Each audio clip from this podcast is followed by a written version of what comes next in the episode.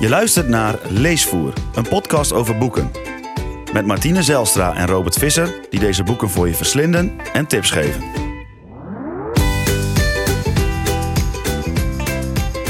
Welkom bij de 15e aflevering van Leesvoer. Met deze week Hanna Arendt over liefde en kwaad, de biografie geschreven door Anne Heberlein. Ook is er weer lockdown literatuur met Hope Street van Campino en het verrassingsboek.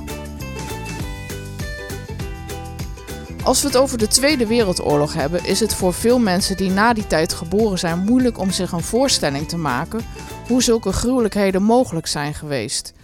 De mensen die deze ongelofelijke vreedheden begingen, moesten wel bevangen zijn door het ultieme kwaad. Hannah Arendt morrelt aan dat principe door in de jaren 60 te schrijven over het strafproces van een van de grootste nazi-kopstukken, Adolf Eichmann. Ze ziet in hem de banaliteit van het kwaad en wordt daardoor in dat jaar een van de meest besproken en verguisde auteurs. In de biografie Hannah Arendt over liefde en kwaad van Anne Heberlein volgen we Arendt vanaf haar kindertijd en kom je er al snel achter dat haar leven echt doordrenkt was van liefde en vooral kwaad. Een erg heftig leven waarbij haar veerkracht en verstand door haar regelmatig uit de uiterst penibele situaties hebben gered. Althans, dat vond ik uh, uh, als een soort korte samenvatting van deze biografie wel echt met kop en schouders erbovenuit steken.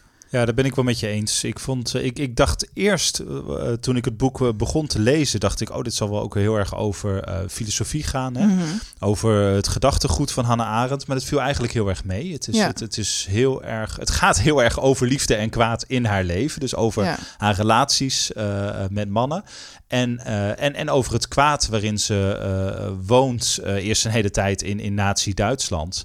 En later hoe ze over dat kwaad is gaan schrijven in haar boeken en ook met het proces van Adolf Eichmann, waar we het straks over gaan hebben, mm -hmm. uh, waar je ook al aan refereert. Um, ja, het, het, ik, ik vond het een heel um, indrukwekkend boek. Het, het, raakte me ja. echt wel. Het is een heel heftig leven. En, ja, en het begint al in het begin vrij heftig, vond ik. Uh, doordat zij uh, opgroeit in, uh, in Duitsland. En op zich lijkt het in eerste instantie een heel rustig leven. Maar doordat haar vader ziek is en haar opa uh, ook, kom je erachter dat ze, dat ze al vrij snel uh, uh, ja, haar vader en haar opa allebei verliest. En dat dat toch wel heel heftig moet zijn geweest voor de kleine Hanna. Ja, absoluut. Ze, ze, ze groeit dan op, um, ja, eigenlijk al op een hele, hele verdrietige manier, hè, waar, ja. waarop dat allemaal gaat. Dus dat ze meteen al met, ja, ik weet niet of je dat echt het kwaad kan noemen dan op dat moment, nee, maar wel met, met iets, iets heel tragisch um, in, in, in haar leven meteen al. Ja, en, maar hoe jong ze is, ze ook is op dat moment. De, het blijkt ook al wel dat ze al heel veel veerkrachtig is. Ja, uh, absoluut. En als dat... een soort steun van haar moeder is. Uh, waarbij ze niet te veel wil huilen. En uh, ja, dat die moeder ook echt op haar leunt. En dat, dat vind ik toch wel opmerkelijk voor zo'n jong kind. Ja, ze neemt heel erg de verantwoordelijkheid. En ze is ook Um, wat ik heel bijzonder vind aan haar leven is dat zij. Um, sommige mensen hè, die maken iets ergs mee en die willen het wegstoppen. Die willen, ja. Of die willen ervoor vluchten. En, en zij moet heel veel vluchten. En dat is uh, volkomen logisch dat ze dat moet doen.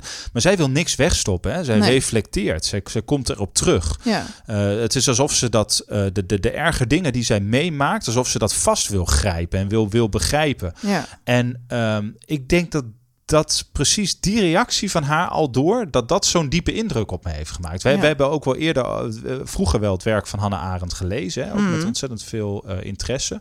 Altijd wel een van onze favoriete denkers geweest. Um, maar dit boek gaat heel erg over haar leven, waar ik wel wat van wist, maar nog, nog lang niet nee. uh, alles wat in het boek stond, absoluut niet. Um, maar die veerkrachtigheid, wat jij zegt, dat, dat, dat, dat dingen willen, willen, willen begrijpen en echt niet, niet zomaar ergens een verhaaltje van willen maken, maar echt tot, tot in de essentie echt willen begrijpen wat dat nou betekent. Dus wat, wat is dat nou, dat kwaad van Nazi-Duitsland? Hoe is dat dan ontstaan? Wat betekent zo'n totalitaire staat waarin alles uh, um, eigenlijk wordt uitgedacht wat, wat, wat, wat, de, uh, wat, wat de inwoners van Nazi-Duitsland moeten denken. Hè, waar, waarin je alles wil controleren en beheersen. En, mm. en een vers, verschrikkelijke propaganda-machine uh, aan het werk zet, waarin je eigenlijk het denken van mensen wil beheersen. Wat betekent dat dan? Ja. En uh, daar, ja, zij, zij duikt daar gewoon allemaal in. Zij laat dat niet zomaar gaan. Zij, uh, ja, en het is ook niet. Kijk, ik kan me voorstellen zelf. eh, Wij hebben natuurlijk nooit ergens voor moeten vluchten. Maar ik kan me ook voorstellen dat er vluchtelingen zijn. Want dat is ze uiteindelijk. Mhm. Hè, als ze naar Amerika gaat. Dat ze vluchtelingen zijn die denken: van ja, ik hoef daar niet meer over te hebben. Mijn, ik heb Ja, er zijn met- genoeg mensen die eh, hun gevoelens allemaal hebben weggestopt. Gewoon omdat ze zulke erge dingen hebben meegemaakt dat ze het nooit meer over willen hebben. Nee, mijn, mijn opa bijvoorbeeld, ehm, eh, beide opa's. Mijn ene opa die heeft in, eh, beide hebben de Tweede Wereldoorlog meegemaakt. En Mhm. mijn ene opa die is, die, die heeft in het verzet gezeten. Maar hoe ver dat echt zo was en, en wat hij dan heeft wel gedaan. wat verzinnen. Ja, mijn opa had wel echt een beetje een grote duim. Maar ik, ik, ik, ik, kan, ik kan dat gewoon niet nagaan. Nee, snap ik. Uh, maar die praten daar echt niet graag over. Nee. En ik, heb, ik weet ook nog wel dat ik er logeerde toen ik een tiener was. En dat, uh, dat, dat, dat het toen 4 en 5 mei was. En dat hij, uh, dat ik zei van, oh, zo, dat we alleen, nou, ze keken altijd televisie, waren ze helemaal gek op. Maar dan, dat ik zei van, nou, zullen we die film kijken? Dat ging dan over de slag om Arnhem of zo, weet ik veel wat. En dan mijn opa zei, nee, daar wil ik niet, uh, daar wil ik niet meer mee bezig zijn. Ja, en, toch wel opmerkelijk, want jouw opa maakte overal een verhaal van. Ja, ja maar niet daarvan. Nee. Nou ja, goed. Bij Hannah Arendt is dat echt totaal anders. En, en, en ik, ik, ik, net, je zegt al heel terecht, in haar jeugd zit het ook al. Maar ook uh, um, wanneer, het, wanneer het boek voor mij echt op stoom kwam, was, was uh, in 1933 als Adolf Hitler de macht grijpt. Mm -hmm. um, dan worden de vrijheden van de Joden steeds meer beperkt. Ja. Um, eerst uh, worden ze gekleineerd, dan moeten ze hun winkel sluiten, dan worden ze ontslagen, mogen ze geen lid meer zijn van een, van een vakbond. Dat gaat steeds verder totdat ja. uiteindelijk Joden natuurlijk worden uh, uh, opgesloten en, en, en, en een gruwelijke massamoord plaatsvindt, omdat de, de nazi's een verschrikkelijke genocide plegen. Nou, dat verhaal is eigenlijk, denk ik, grotendeels bekend bij de luisteraars natuurlijk. Iedereen Mhm. weet, weet grotendeels wat er gebeurd is. En wat zo interessant is, dat Hannah Arendt leefde in die tijd, maar ze doet het dus inderdaad ook meer over. Ze, ze, ze, ze, ze schrijft er later over. Dus zij probeert te begrijpen hoe kan zo'n, uh, hoe kan Adolf Hitler met die, met die nazi-partij, hoe kunnen die een, een totalitaire staat opbouwen? En, en zij zet zegt dan dat die totalitaire visie van de nazi's zoiets is als de oneindige verscheidenheid en verschillen van de mensen, dat ze, dat ze die zodanig willen organiseren dat de mensheid slechts één individu lijkt. Hè? Dus iedereen uh, uh, is hetzelfde. Ja. Uh, en, en, en, met iedereen bedoel ik op dat moment alle, ja, wat is het dan, blonde Duitsers. En zijn dus ook groepen die dat dus, dus absoluut niet zijn. Mhm. En dat, daar, dat, daar, daar zien ze natuurlijk de Joden in dan de nazi's. Ja. En um, Hannah Arendt ziet ook al heel erg vroeg uh, uh, welke sleutelrol propaganda daarbij speelt. Dus hè, dat, je, dat je eigenlijk één groep heel erg zwart maakt en een andere groep heel erg ophemelt. Dus je, je hemelt het Duitse volk op. En je, je zegt maakt van, er als het ware een soort prototypes van. Uh, ja, je maakt er een, ja, een ideaal beeld van, van het Duitse volk. Ja. En ja, eigenlijk het, meest hatelijke vertel je dan over het volk wat dat dan niet is. En Ja. dat, dat, dat zijn dan de Joden. En, en, en Arendt noemt dat dan een gruwelpropaganda. En waarom noem ik nou die propaganda? Omdat het heel erg een rol speelt in haar uh, boek over het totalitarisme. Maar ook omdat Hannah Arendt uh, zelf uh, in, in 1933 aan het werk wordt gezet bij de Zionistische Vereniging om anti-Joodse propaganda op te sporen en te gaan bundelen. Ja. En, en dat doet ze dan dus ook. Dus zij, zij weet daar echt, ja, niet alleen omdat ze het meemaakt, maar ook omdat ze dat eigenlijk dan op dat moment al aan het bestuderen is. Ja. En, ze komt er op die manier ook achter dat het ontzettend foute boel is. Ja, en... heel veel mensen niet in staat zijn om te bedenken van... oh jee, dit, dit gaat echt de verkeerde kant op. Maar zij besluit al vrij snel van ik moet hier weg. Ja, en wat haar dan, uh, ja, en ze, zij, zij vlucht dan. Zij vlucht dan, uh, want ze wordt eigenlijk al sne vrij snel opgepakt ook, hè, nadat Mhm. ze die uh, anti-Joodse propaganda aan het bekijken is. Wordt ze opgepakt, komt ze een tijdje in de gevangenis en dan, dan weet ze echt zeker van ik moet weg. Ik Ja. ga hier niet blijven in Duitsland, ik moet wegwezen. En ze Ja. vlucht dan naar Frankrijk. Um, en in Frankrijk um, wordt ook weer een oproep gedaan dat alle Joodse mensen zich moeten verzamelen. Want ze dan gaat bij... eerst naar Parijs, toch? Ja, ja klopt. En dan net even buiten Parijs moeten ze bij een, een wielenbaan, het Velodrome d'Hiver. Uh, moet ze, ja, gaat ze dan heen met een koffer in de hand. En dan staat ze dan met 2300 andere vrouwen die gevlucht zijn. Mhm. Um, en uh, ja, de meeste mensen daarvan zijn, zijn Joods, dus Joodse vrouwen. En die, moeten, die worden dan vervolgens naar een kamp gebracht. Ja. En dit is dus terwijl Frankrijk nog onafhankelijk is. Hè? Dus die worden naar een uh, vluchtelingenkamp uh, Mhm. gebracht. Want de Frankrijk zit er ook mee in hun maag. Wat moeten ze nou ermee? Maar dan al vrij snel geeft Frankrijk zich over aan Duitsland. En dan, uh, ja, dan, dan gaat er weer een alarm af. Hè? Want ze belandt dan ergens uh, in, in een, van die, een van die kampen dus. En dan weet ze al van ik moet hier wegwezen. Want ja. de Duitsers, uh, als Frankrijk zich overgeeft, ja, dan, dan komen de nazi's weer. Ja, en daar was ze nou juist voor op de vlucht. Ja. En um, ja, ik, ik vond dat heel. Uh, ik weet niet hoe jij dat hebt gelezen, maar ik, ik las dat bijna. Uh, je, weet, je weet al voor een groot deel wat er gaat gebeuren. Want je weet dat Hannah Arendt later naar Amerika gaat. Je weet dat ze het overleeft.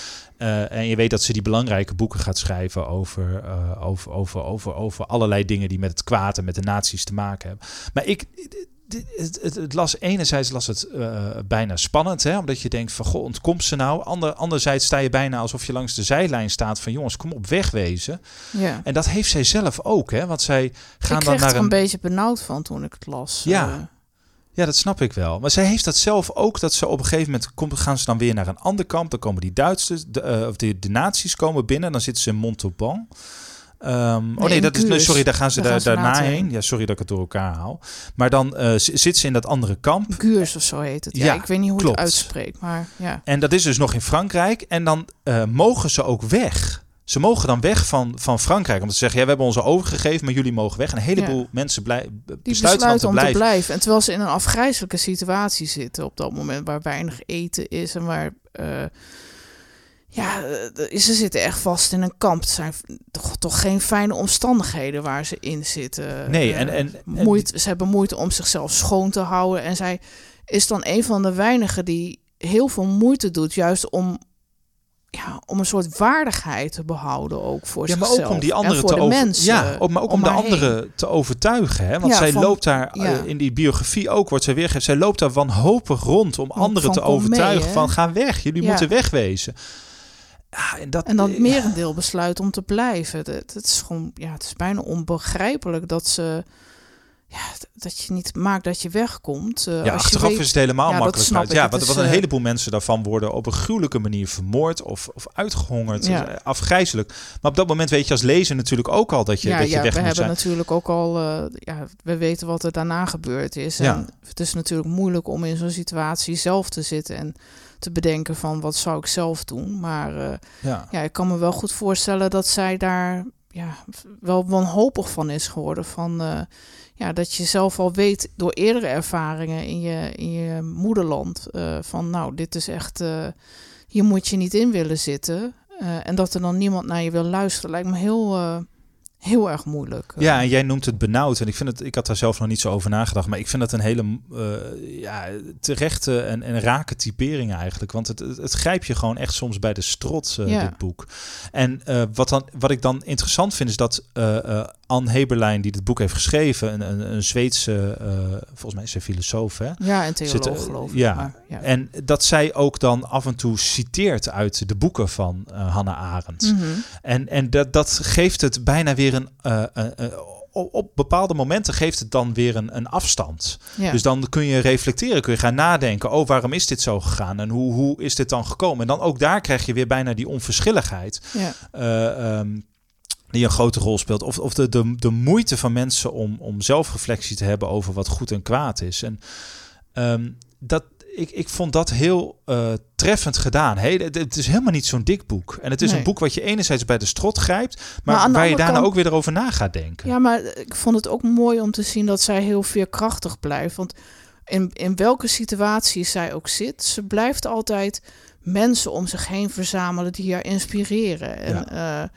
met, ja, waaruit dan duidelijk weer die liefde blijkt die, uh, die zij voor anderen voelt. En hoeveel kracht zij haalt uit nadenken en praten met mensen. Je, stelt haar echt in, in, ja, in de meest afgrijzelijke omstandigheden voor. En heeft veel te kleine krappe kamertjes in, uh, in Frankrijk of, of waar dan ook, waar weinig eten is uh, en, en, weinig, uh, nou ja, weinig is om jezelf schoon te houden en, en dat iedereen, nou ja, de, de Duitsers komen eraan. Het is, het, het, het is een hele dreigende situatie, maar toch blijft zij iemand die al kettingrokend met vrienden Ja, daar het beste glas, van eh, glas drank in de hand. ja. Ja, Ja, en dat maakt, geeft het, ja, nee, ja, het geeft iets heel Dat vind ik erg krachtigs. knap, hoor. Ja, ja. ja, maar ook dat ze, dat ze eh, eh, ook daaruit blijkt dat ze het moet bespreken of zo, wat er gebeurt. En ze zitten dan ook met hè, haar man Heinrich.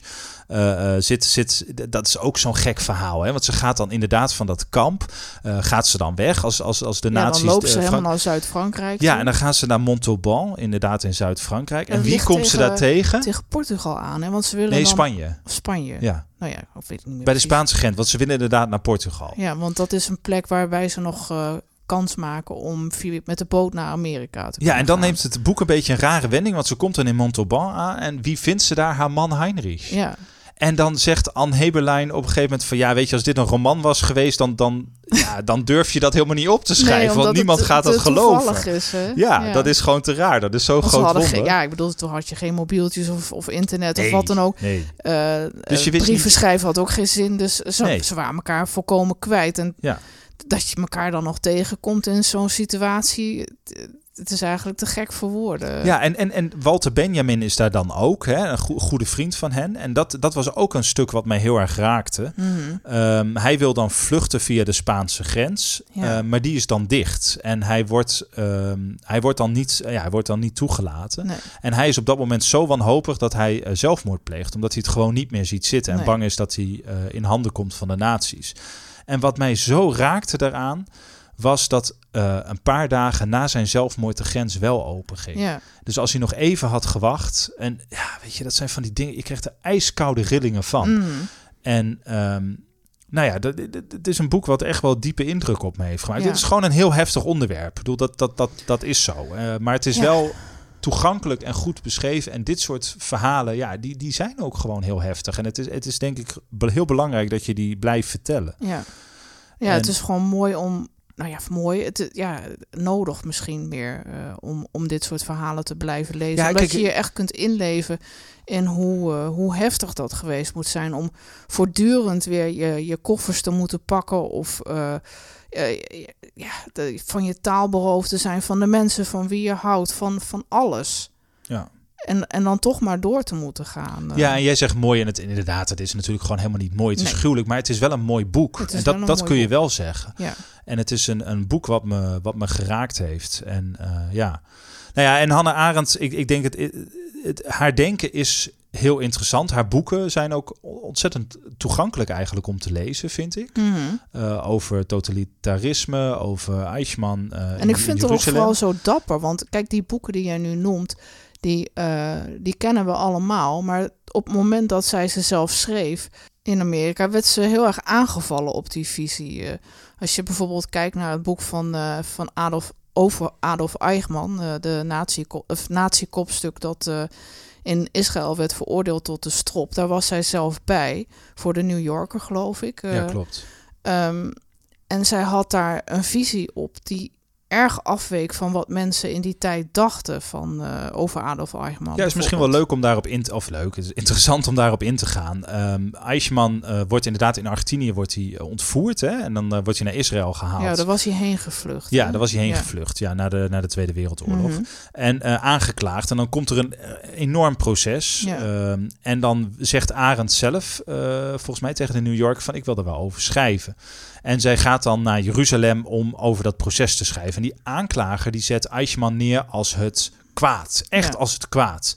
Dit, eh, eh, dit, dit, dit, dit is de verpersoonlijking van het kwaad bijna. Maar Hannah Arendt ziet het anders, hè? Ja, dat klopt. Ze ziet hem meer als een soort banaliteit van het kwaad. Van, eh, ja, eh, ja het, is, het is moeilijk om dat in een paar zinnen te vangen, vind ik. Kun jij daar een poging toe doen? Ja, jawel. Nee, Hannah Arendt zegt eigenlijk... eh, ehm, ja, je zou het boek moeten lezen. We Ja, hebben het ook al voor ja. verder lezen ook. Dus, eh, maar Hannah Arendt zegt eigenlijk... Adolf Eichmann is een, eh, een doodgewone man. een Eigenlijk soort een beetje... ambtenaartje. Ja, een, een, een beetje een, een, een- een, een man zoals je die op straat tegen kan komen. ja. Ehm, een, een doodgewoon iemand. En die is opgeslokt door die totalitaire staat. Die eigenlijk... eh, ehm, ja, gewoon meedoet. Hij wordt gewoon opgeslokt en doet mee. Hij doet gewoon zijn werk, zou je bijna kunnen zeggen. Ja. Uh, hij voert dingen uit. Hij vraagt zich niet af Nee, hij waarom voert hij, de dat opdrachten doet. die hij krijgt, voert hij als het ware gewoon uit zonder er al te veel bij na te denken. Ja, en hij, hij, hij doet de dingen die van hem gevraagd worden. En, en that's it. Er zit geen zelfreflectie in. Hij denkt niet na over van... hey, kan dit eigenlijk wel? Is dit eigenlijk wel goed? Ja. En ehm, daarmee, ehm, daarmee wordt het eigenlijk verontrustender wat hij heeft gedaan. Hè? In, in een bepaalde zin. Want als je Mhm. zegt van goh, iemand is gewoon het kwaad. Iemand is zo slecht. Dit is zo, hè, dus die, die, die, die, die verschrikkelijke genocide op eh, Joden, Roma, eh, homoseksuelen en, eh, en communisten. Dat, dat, is, dat, is, dat is gedaan door iemand die zo in en in slecht is. Dan, dan kun je dat bijna makkelijker accepteren Mhm. dan wanneer het gewoon iemand had kunnen zijn die je buurman had kunnen zijn. Hè? Gewoon, gewoon een doodnormaal wel dat iemand. eh, Eichmann wel eh, iets tegen Joden had. Mensen, tuurlijk, dat, eh, tuurlijk. dat kunnen we wel vooropstellen. Maar eh, ja, ze voert hem echt op als een soort klassieke ambtenaar die eh, doet wat hem gevraagd wordt. Ja, en, en, en dus in die onverschilligheid zit, zit iets wat het nog verontrustender Ja. maakt. En dat zegt zij ook over het totalitarisme. Zij zegt, het is, is- het is op zich niet eh, verwonderlijk dat er, antis, dat er een groepje antisemitisch was. Hè? Mensen die tegen Joden waren. Want dat, dat was al langer zo. Mhm. dat, was, hè, dat was al heel vaak zo geweest. Eh, ook in, in de geschiedenis. En ook wel meer dan een klein groepje uiteraard. Maar het, het, het grote probleem is niet dat dat kleine groepje individuen ervoor kiest om kwaad te doen. eh, en die haat te verspreiden en Joden kapot wil maken. Het gro- gro- echte grote probleem zijn de mensen die geen standpunt nemen. ja. De, de, de, de, geen standpunt innemen. De, de, de onverschilligheid van de grote massa. Dat, Ja. dat, dat is waar zij het eigenlijk op gooit. En Eichmann is daar ook, ook, ook een onderdeel van. Ehm, want eh, de onverschilligheid van die mensen, die maakte uiteindelijk volgens maakt haar de holocaust mogelijk. Ja. Ja. precies. En, en er is geen zelfreflectie voor vreedheid, ook niet voor, voor nou ja, sadisme, kwaadaardigheid. Me- mensen dachten daar veel te weinig over na. En Ja, dat is wat zij heel erg ze waren er benoemt. onverschillig eh, ten Ja, het boeide ze van. niet. Eh, Ja, of te of weinig. ze durfde het niet. Ja, weet ik veel hoe je het wil eh, typeren. Maar eh, dat maakte zij bespreekbaar. En ehm, dat zorgde wel voor de nodige... eh, eh, ja, hoe moet dat nou zeggen? Ja, zij werd er wel om verguisd. Ja. En heel- je merkt volgens mij ook heel erg na die Tweede Wereldoorlog dat mensen heel graag in dat zwart-wit eh, wilden denken. Hè? Ja. Waar, waar bij ons uh, Oek de Jong, die schrijft dan allemaal boeken over Nederland in de Tweede Wereldoorlog. Die doet er eigenlijk ook heel erg aan. Hè? Je was goed of je was fout. Ja. En ehm, die, die, die enorme middenmoot, die enorme grote groep die eigenlijk. Maar het is ook een z- z- beetje te zeg maar gewoon een hè? beetje. Ja, nee, ja, misschien is het ook te simpel om, om in zwart en wit te denken. Ehm, maar ja, ik, ik, ik, dat boek Eichmann in Jeruzalem is iets van Hannah Arendt. Kan je echt nog steeds goed lezen eigenlijk. Ja, hè? nee, Het ja, vind we ik hebben het, ja, het jaren geleden dat ik het heb gelezen. Het is eerder een beetje treurig dat mensen haar er zo eh, op aangevallen hebben, vind ik. eh. ja, maar ook moet daarbij wel blijft erg zij. moeilijk geweest zijn, denk ik, voor haar. Ja, dat, dat weet ik niet, want zij blijft wel gewoon overeind. Hè? Want dat blijft ook, blijkt ook wel weer heel erg uit dit Ja, boek. nee, van, oké. ze- zij staat voor wat ze denkt. En ze, ze, ze, ze wordt er niet moe van bijna om dat uit te blijven leggen. Wat Nee. ze denkt en waarom ze dat nee, denkt. dat klopt. En dat is ook weer Ze zo... wordt er toch- ja, ze zal er vast wel zat van zijn geweest, maar ze ging toch maar gewoon weer door eh, om Ja. eh, te blijven uitleggen. En eh, een beetje tegen de klippen op misschien soms, maar ja. Dat, Maar het is wel, het is, het is haar denken, het is haar visie op hoe, op hoe het was. En ehm, ja, nou ja, dat, dat, dat zorgt in haar hele oeuvre voor eigenlijk een heel interessant beeld. En ik, en ik wil daarmee niet zeggen dat dit de enige manier is waarop je naar Eichmann kan kijken of naar Nazi-Duitsland. Maar het is wel een, een, een, een hele interessante, zeer goed onderbouwde visie erop. ja. En eh, ik denk dat het alleen maar goed is als je meerdere van dat soort boeken leest. Hè. Misschien ben je het ook wel helemaal niet zo mee eens. Dat hoeft ook helemaal niet. Mhm. Maar het is wel een goed doorvrocht gedachtegoed wat Hannah Arendt heeft over die eh, Tweede Wereldoorlog en wat er toen allemaal gebeurd is. Ja. En ook heel erg over ja. het kwaad. Nee, zeker. En als je ook weet hoe haar leven geweest is door middel van deze biografie te lezen, dan snap je ook wel heel goed waar dat denkbeeld vandaan komt. Ja, Eh, absoluut. Absoluut. Nou, er is nog heel veel meer te bespreken over dit boek. Maar ja, ik, ik denk dat mensen het maar zelf moeten lezen. Er zitten ook eh, hele mooie passages in. Bijvoorbeeld over hoe ze in Amerika haar leven weer aan het opbouwen is. ja. En dat ook weer met een energie doet eh, ja, die, die bijzonder is. Ja. Dus het is een heel bijzonder mens geweest.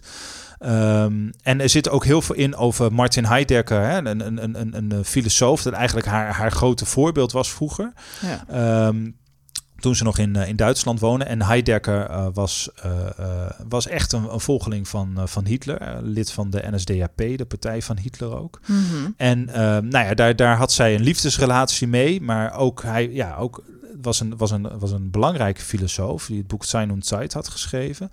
Ehm, en uh, ja, ook, ook dat verhaal zit er heel erg doorheen Ja. verweven. Ik denk dat het nu te, te, te, te ver voert om het daar nog heel uitgebreid over te hebben. Maar ook daarbij zit natuurlijk op een gegeven moment uh, uh, raken zij elkaar. Uh, ja, hebben ze, hebben ze, hebben ze hebben ze geen contact meer. Ook door alles wat er gebeurt natuurlijk. Hè? Door, door, uh, ja, maar daarvoor was het denk ik ook al wel... Ja, tuurlijk. En Heidegger heeft ook eigenlijk helemaal niks gedaan om haar toen te helpen. Of Nee. nou ja, als hij al wat heeft gedaan, was dat echt bizar. Nou, het was ook een beetje een vreemde relatie, denk ik, in de zin van dat hij heel veel ouder was en zij was zijn studenten. Dus eh, Ja, dat ook. Maar natuurlijk, kijk, als je zwart-wit wil denken, was hij natuurlijk hartstikke fout. Ja. En eh, ik denk zelfs als je niet zwart-wit wil denken, dat hij ook hartstikke fout was. ja, ja. Het is gewoon, eh, de- de- Heidegger heeft gewoon hartstikke foute dingen gedaan. Maar goed, na de Tweede Wereldoorlog zoeken zij elkaar, of zoeken zij hem weer op. ja. En eh, leggen ze het eigenlijk bij.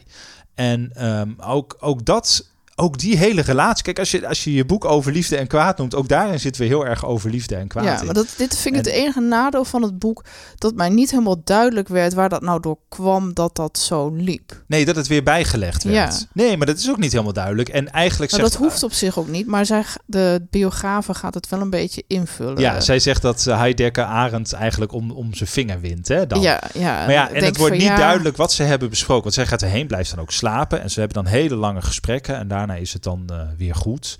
Ehm, ja, ik denk, zolang jij niet weet wat daar besproken is, Nee, ehm, is het, is- heel is ook moeilijk, moeilijk om... relaties te doorgronden als je daar ja, niet bij ook bent dat, geweest. ook dat. En Anne Heberlein heeft dan wel het idee dat ze dat moet duiden of Ja. zo. En dan wel weet van ja, Hannah Arendt liet zich eigenlijk een beetje om de vinger van Heidegger winnen. Ja, ik, ik, ik, ik vond dat ook een een beetje te veel ver. invullen. Ja. Ja. En, eh, maar goed. Dat is het enige nadeel, denk ik, een beetje. Ja, verder boek. is het een heftig boek, eh, maar het is goed geschreven. En, en ze weet zich, het is niet super dik. Eh, het is volgens mij iets van 250, eh, misschien 300 bla ja, het, het, het grijpt je wel echt bij de klap. Ja, en het, het weet zich dus echt tot de essentie over het liefde en kwaad eh, te beperken. En als jij eh, eh, nou, ze Tweede bij Wereldoorlog... van spreken nog 300 bladzijden dikker kunnen maken. Ja, makkelijk, makkelijk. Ja. Maar als jij, de twee, als jij de Tweede Wereldoorlog interessant vindt, als je eh, filosofie interessant vindt, al die dingen, of, of gewoon een, een, een biografie wil lezen over een, een, een waanzinnig eh, interessant en krachtig mens, dan is eh, dit boek over ha Hannah Arendt echt een aanrader. Ja.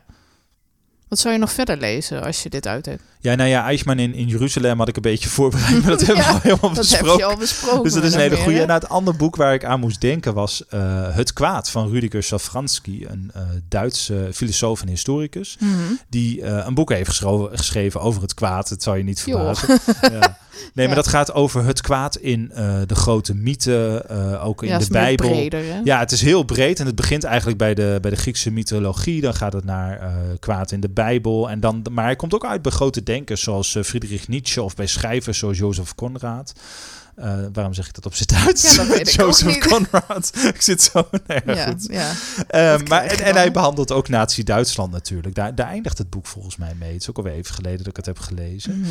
Ehm, maar ook daarbij kijkt hij van hoe, hoe leidde die politiek van Hitler tot, tot zo verschrikkelijk veel kwaad? Hoe, hoe kon dat dan? Ook, ook, en hij geeft ook aan hoe er over kwaad dus werd gedacht door de eeuwen heen. Wat, wat, wat, wat een kwaad is. En ja, hij probeert dat ook vast te grijpen en te begrijpen. Mhm. En eh, ik vond het ontzettend goed geschreven. En het is een, een, een boek over filosofie met ongelooflijk veel vaart. Ja. En eh, wat je ook heel erg aanzet eh, tot denken. Heel toegankelijk eh, Ja. en, en, en, en mooi geschreven. Dus dat, dat, dat- ja, ik denk dat dat ook iets is wat heel interessant is om te lezen. ja, dat denk ik. Dus ik vond het echt een heel interessant boek eh, om, eh, om te lezen. Gaan we door met lockdown literatuur.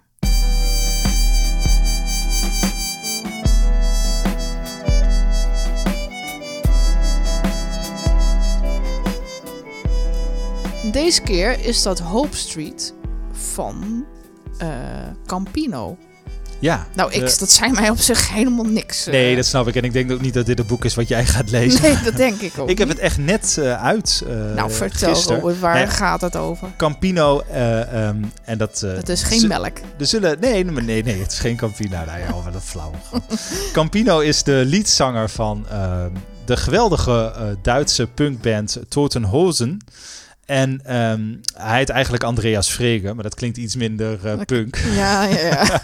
maar die, uh, ja, hij blijkt niet alleen een goede zanger te zijn, maar ook ontzettend goed te kunnen schrijven. Ik heb, ja, want in de lockdown-literatuur bespreken we altijd uh, boeken die iets te maken hebben met lockdown, met virus, met, nou ja, ja. hoe kom en je erbij om dan hier mee te komen? Ja, iets wat Hope Street heet en door de zanger is van de Toten En Hoe komen we dan uit met ja, lockdown? Dat, dat, maakt me wel nieuwsgierig. Um, nou ja, hij, uh, uh, dat moet ik echt even introduceren. Campino is uh, dus niet alleen leadzanger van um, Totenhozen, maar ook een grote fan van Liverpool. Nou, dan lijkt je nog verder verwijderd te zijn van de lockdown. maar dat is niet zo. Okay. Hij heeft namelijk een dagboek bijgehouden. Um, over uh, het uh, seizoen, uh, het vorige seizoen, waarin -huh. Liverpool kampioen werd. Okay. En uh, daar is in speelt de lockdown een grote rol. Dus ook hè, daarin zie je eigenlijk in het begin, het, uh, het begin van het boek gaat helemaal niet over het coronavirus, maar mm. op een mhm. gegeven moment komt dat coronavirus op en uh, raken we ook in een lockdown en wordt Liverpool kampioen tijdens die lockdown. Ah, en hij gaat ook naar de wedstrijd tussen Liverpool en Atletico Madrid in Liverpool. -huh. Um, dat is zo'n een van de laatste wedstrijden die nog gespeeld is. En ah, op ja. dat moment komen er geloof ik ook een paar duizend Atletico Madrid fans naar Liverpool. We kunnen het ons nu niet meer voorstellen. En um, die komen daar om die wedstrijd te bekijken. Dus iedereen loopt nog door elkaar. Iedereen loopt met elkaar mee. Uh, hij beschrijft ook dat je in een kroeg zit uh, met allemaal vlak op elkaar. En, en uh, te lallen en te doen. Ja, en, en, dat, en hij zegt ja, en een paar dagen later was alles anders. Op dat moment was ook al bekend, geloof ik, dat de scholen allemaal dicht zouden gaan en zo. En toch laten ze dan nog die wedstrijd doorgaan in een vol stadion. Ja, zo wel vreemd ergens. Het is bizar. Gezien, ja, het is bizar om te lezen. Nou ja, Liverpool wordt kampioen. Um, dus je zou denken van, uh, nou dat is natuurlijk een prachtig moment, maar daardoor ook een heel, uh, bijna een beetje bitterzoet moment. Hè? Want je, je, kan het niet in het stadion zien. Het was voor het eerst in 30 jaar dat ze weer kampioen worden. Mm. Um, waarom is dit nou een interessant boek? Om wat ik net heb beschreven, want uh, Campino beschrijft dat echt als een soort bijna thrillerachtig iets. Mm. zit je echt dicht op de huid, heel spannend en, en, en interessant hoe hij dat heeft beleefd, terwijl het nog maar zo kort geleden is gebeurd. Maar het, het is, dit boek is heel veel meer dan dat. Het, is, het, is, het, is, het boek gaat eigenlijk voor een heel groot deel ook helemaal niet over voetbal. Um, Campino heeft een uh, Engelse moeder, Jenny, en een uh, Duitse vader, mm. Joachim. En hij groeit op in uh, Düsseldorf en woont later ook grotendeels in Berlijn. Maar hij groeit op in Düsseldorf, maar ook met dat ze iedere zomer naar hun familie gaan in Cornwall in Engeland. Mm. En, vanwege die moeder waarschijnlijk. Ja, vanwege die moeder. En dan zijn ze dan de hele zomer. En daar raakt hij eigenlijk gefascineerd door Engeland. En hij begint Engeland heel erg te romantiseren. Duitsland is dan niet echt tof, maar Engeland, ja, daar, daar, dat, dat is het land van zijn moeder. En zijn moeder vertelt altijd mooie verhalen over. En dat wordt een soort toevluchtsoord van hem. Een soort paradijs bijna. Wat, mm. wat, hij, wat hij dus echt mooier maakt dan het is. En een van die Engelse clubs die hij dan op televisie ziet is Liverpool. En niemand van zijn familie, ook niet van de familie van zijn moeder dus, heeft ook maar iets met Liverpool. Maar omdat dat dan Engeland is en hij dat als klein jongetje op tv ziet, ja, begint hij die, dat geromantiseerde beeld van Engeland en Liverpool aan elkaar te koppelen. En wordt dat een fascinerend iets. En ja. zo schrijft hij helemaal over zijn uh, jeugd in Duitsland, zijn relatie met zijn moeder, zijn relatie met de familie van zijn moeder. En dat is heel mooi beschreven. Het is een heel oprecht leuk boek. En het gaat voor een deel ook over die punkbeweging. Dat hij punkconcerten geeft in Engeland. En dat hij punkconcerten geeft in Duitsland. Want dat eerst die, die, die hooligan scene uh, die je dan in de jaren 80 en 90 hebt dat hij eerst helemaal niks van punk moesten hebben. Dat er gewoon vechtpartijen zijn, ook met aanhangers dan van de Totenhozen en van Fortuna Düsseldorf. Van Düsseldorf, dus waar hij vandaan komt, van die stad. Mhm. Maar dat het op een gegeven moment verandert en dat die groepen zich met elkaar gaan mengen. En dat hij dan ook een soort ja, voorbeeld wordt, of, een, of, of die muziek van de Totenhozen ook gezongen worden in het stadion. En datzelfde gebeurt later ook met Liverpool. Want hij is dan ook de, zijn bandleden, uh, omdat ze uit Düsseldorf komen, die ook voor Fortuna Düsseldorf zijn. En hij is dan zelf ook wel voor Fortuna Düsseldorf maar heeft meer die band nog met Liverpool. Dat er op een gegeven moment ook liederen van de Totenhozen gespeeld worden in het stadion van, van Liverpool. Dus dat je eerst een soort afstotende reactie ziet. En uh, tussen, tussen punk en, en, en, en, en ja, wat is het, voetbalsupporter, hooligans hooliganisme, hoe je, hoe je het ook maar wil omschrijven. Maar dat later dat steeds inniger wordt. En dat ook Hm. dat, dat supporterschap en muziek. En eh, nou, iedereen kent natuurlijk dat, dat lied You, you Never Walk Alone eh, van, van Liverpool. Maar dat de Toten Hosen daar eigenlijk ook weer een, een rol in spelen. En dat, en dat zorgt voor een hele leuke mengelmoes in dit boek. Dat het deels is het autobiografisch, eh, deels is het dagboek. Eh, dus het deels gaat het over vroeger, over hoe hij opgroeide. Deels gaat het over wat hij nu meemaakt in het se- seizoen van Liverpool. Deels is het ook bijna muziekgeschiedenis. Is het ook Mhm. cultuurgeschiedenis. Eh, ehm, hoe gaan al die verschillende groepen met elkaar om? Ja, ik, ik heb het eigenlijk, nou niet in één ruk, want zo snel lees ik Duits nou ook weer niet. Maar ik heb er geloof ik drie dagen over gedaan. En eh, ja, echt met, met ontzettend veel plezier gelezen. Eh, ik, ja, we hebben in Berlijn gewoond, dus ik spreek eh, redelijk eh, goed Duits. En ik kan ook Duits goed lezen. Maar er zijn, er zijn nog steeds, dan heb ik soms wel moeite om boeken te lezen. Maar bij Mhm. dit boek totaal niet. Als je Nee. maar een beetje Duits kan, dan lees je dit heerlijk weg. Dus ehm, een aanrader, ook, ook omdat het je een Maar ik beetje denk dat doet je wel een beetje moet huilen als je dan eh, nu leest over allerlei eh, voetbaldingen, toch? Ja, nou ja, kijk, we nemen dit op en net is eh, de, de derby van het noorden geweest tussen FC Groningen en Herenveen. En dan En, weer in zo'n leeg stadion. Ja, ik ben, ik ben groot FC Groningen supporter. En dan zit je inderdaad weer naar zo'n leeg stadion te kijken. En dan weet je van ja, normaal was ik nu eh, waarschijnlijk met mijn zoon naar Groningen gegaan. En eh, daar in de Waterloobar lekker zitten drinken met mensen. Met, met, met goede vrienden daar in het stadion zingen, juichen. En, en na afloop weer in het eh, supportershome. Ja, dat zijn prachtige dagen als eh, supporter. dat, ja, nou ja, we hebben nu verloren. Dus misschien wel goed dat ik er niet bij was. ik heb eigenlijk nou nog enorm de P in, maar goed.